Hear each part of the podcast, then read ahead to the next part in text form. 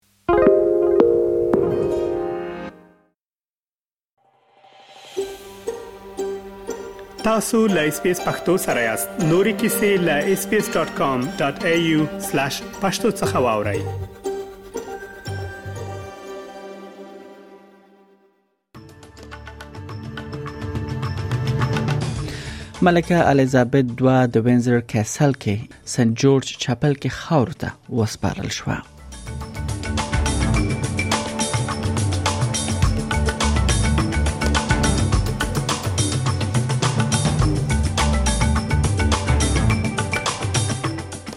د 2022 کال د مرګلو ملتونو عمومي اسمبلی په نیویارک کې پیل شوې ده د اقلیم بدلون بشري حقوقونه دا هم د اجنډا په سر کې موجود دي او ځینو نورو ډیرو مهمو مسایلو باندې به بحثونه کیږي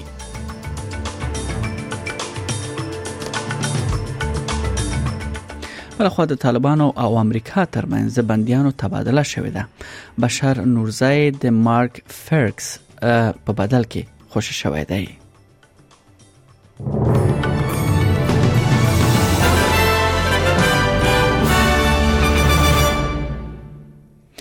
دا هم بشپړ خبرونه ملکه الیزابت دوا د وینزر کیسل په سنت جورج چاپل کې خاور ته وسپارل شو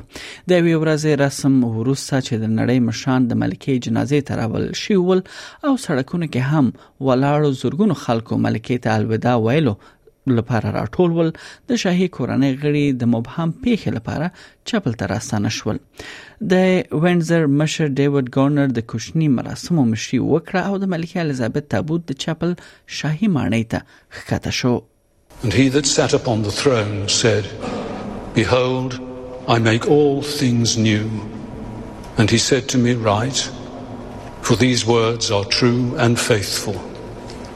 And he said unto me,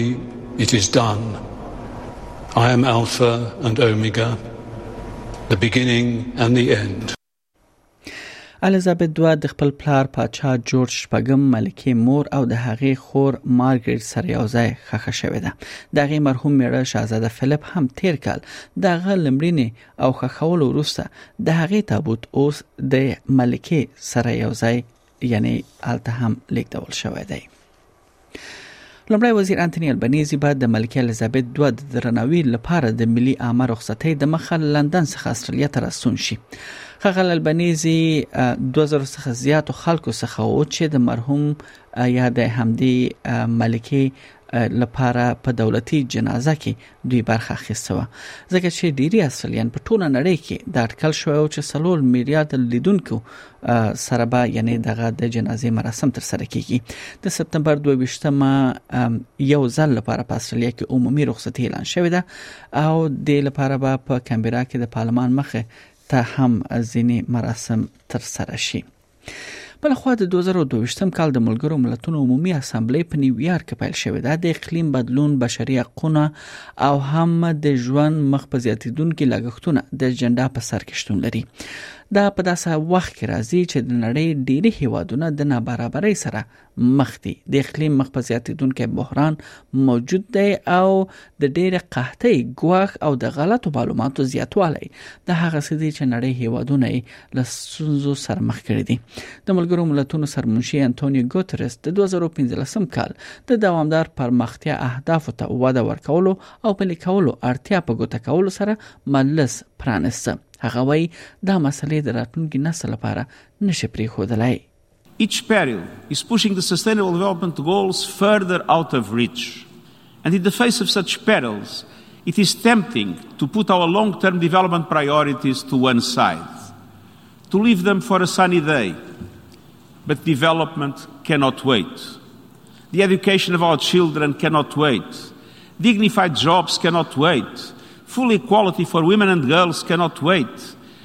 Comprehensive health care, meaningful climate action, biodiversity protection,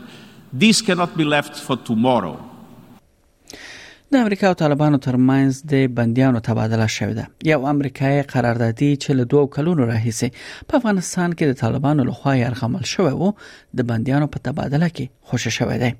سپینه ماڼۍ وایي چې هغه د امریکا په متحده ایالاتو کې د طالبانو د زندان مشر بشر نورزی په بدل کې خوشی شوی دی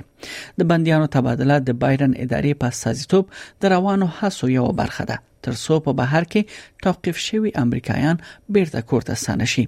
د متحده ایالاتو د بهرنیو چارو وزیر انټونی بلینکن وویل چې غغلی فرز له خپل کورنۍ سره یو ځای شوی دی I want the families of Americans who are being arbitrarily detained or held hostage anywhere in the world to know that our commitment to them to bringing their loved ones home is resolute and we will relentlessly continue to focus on doing just that. د امریکا ولسمشر جو بایدن طالبانو سره حاجی بشر نورزی بدل کړي یو امریکایي بندي یا او خوشکول د یعنی خبرګون یې خودل دی او په دې تړاو ویل دي چې دا ډېره سخته پریکړه وی چې دوی کړې دي خغلی بایدن په یو وینا پاڼه کې ویل دي چې د امریکایي وګړو خوندیتوب لپاره اړ دی چې دا ډول پریکړه ته اوګه ورکړي هغه ویل د مارک د خوشی کېدو لپاره خبرو اترو یو بریالي حل لاره رامخه ته کړې و د یوې سخت پریکړې اتیا و چې ساده یې ونه ګڼله نو همدې لپاره د امریکا دولت دا پریکړه وکړه چې د هغې په بدل کې د طالبانو یو جګپړی شخص خوشی کړي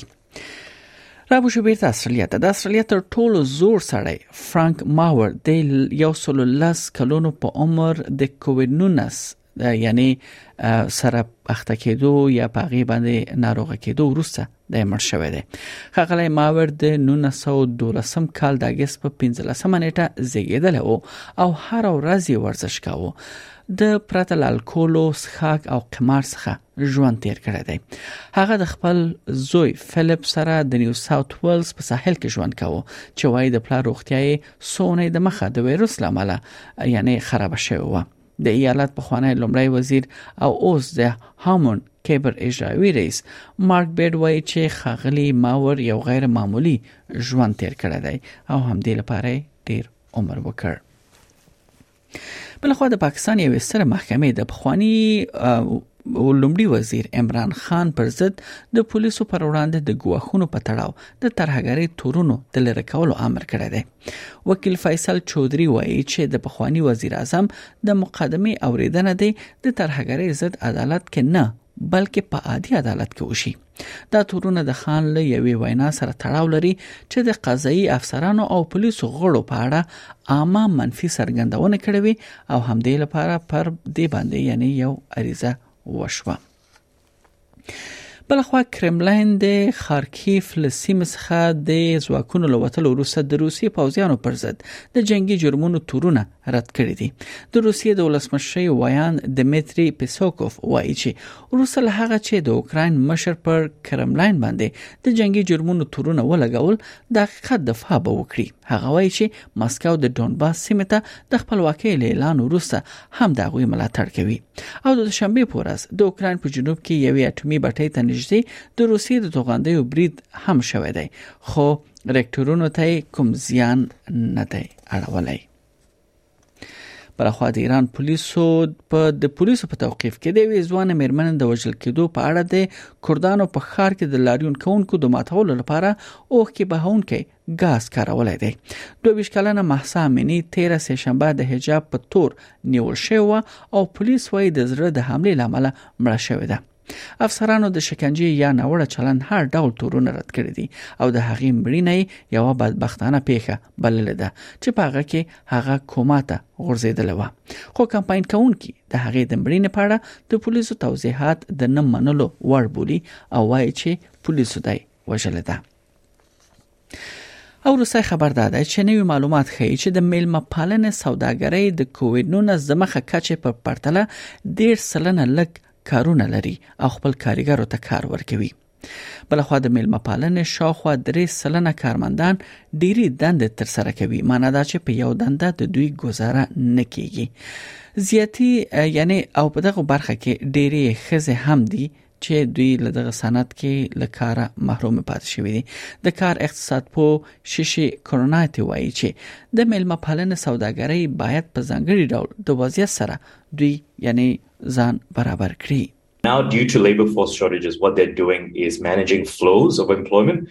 So they'll hire two hours for a mom, uh, and then they, the mom can go pick up the kids, uh, and then they'll hire another three hours for someone who's able to fit there, probably a young person who's more flexible, and then the mom can come back and work. So they're managing sort of these ebbs and flows uh, uh as a means to to encourage more people into the labor market.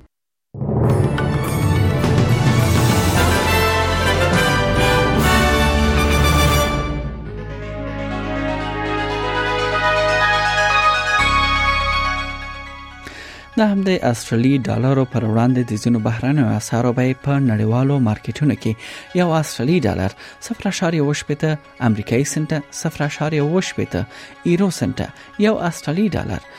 950.18 افغاني روپی